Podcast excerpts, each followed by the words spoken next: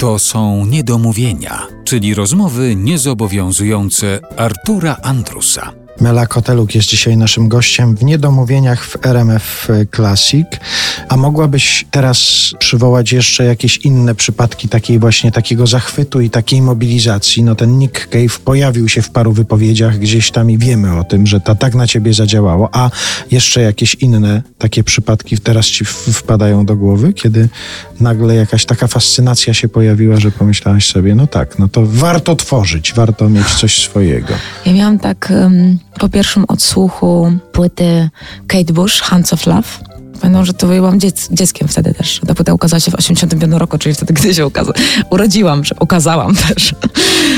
Ja jakoś zapamiętałam też ten moment, bo ta płyta w ogóle zresztą za każdym razem robi na mnie ogromne wrażenie. To tak działa właśnie, że mam ochotę zrobić coś wielkiego. Wiadomo, że mam swoje ograniczenia, ale to mnie podnosi w jakiś sposób, czyli podnosi mi taką chęć do, do życia po prostu jakoś. Nie, nie wiem, jak to nazwać, czy to jest odpowiednio sformułowane, ale trochę tak że tak do życia, że mam ochotę nagrać jakąś wspaniałą płytę po odsłuchu Hands of Love.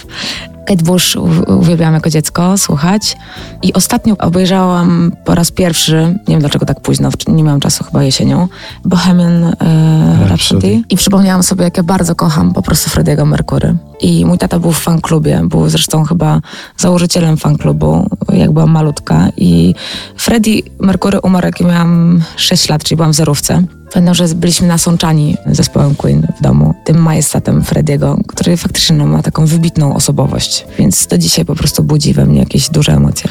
I w domu były plakaty, wisiały plakaty, portrety, zdjęcia Frediego? nie, nie wisiały, ponieważ mieliśmy takie małe mieszkanko w kamienicy, 47-metrowe i mieszkaliśmy w pięcioro. Na, na, tym metrażu, więc nie było troszeczkę miejsca na ścianach, ale moja mama była e, swego czasu zafascynowana feng shui, i mimo tego małego metrażu powstało, kiedyś pamiętam, jak byliśmy mali, powstała fontanna na środku domu. Przy tej fontannie się spotykaliście wieczorem, żeby coś sobie zjeść na przykład, tak? napić się czegoś. Znaczy dla dzieci to była naprawdę przyjemna sytuacja, coś się działo. Ale jak teraz sobie to odtworzę, tak jako dorosła już osoba, to moja mama miała duże, duże poczucie humoru i też była bardzo otwarta na świat. Ale ten wątek taty założyciela fanklubu Frediego mnie tutaj zaintrygował, bo to jest ciekawy temat. Czy tata działał w taki sposób, że nie wiem, organizował jakieś spotkania? W, w jaki sposób się ta działalność taty... On mi opowiadał, że w technikum mieli taką grupę fanów. Oni, z tego co pamiętam, nie są szczegółów, ale y, weszli w kontakt w, z takim jakimś większym czy autoryzowanym fanklubem Queen, który wysyłał im właśnie plakaty. I oni mogli te plakaty dystrybuować dalej. Także to, to było jakieś takie, no, na tyle, na ile mogli, działali. W tamtych czasach to pewnie mnie jeszcze na świecie nie było w tamtym czasie.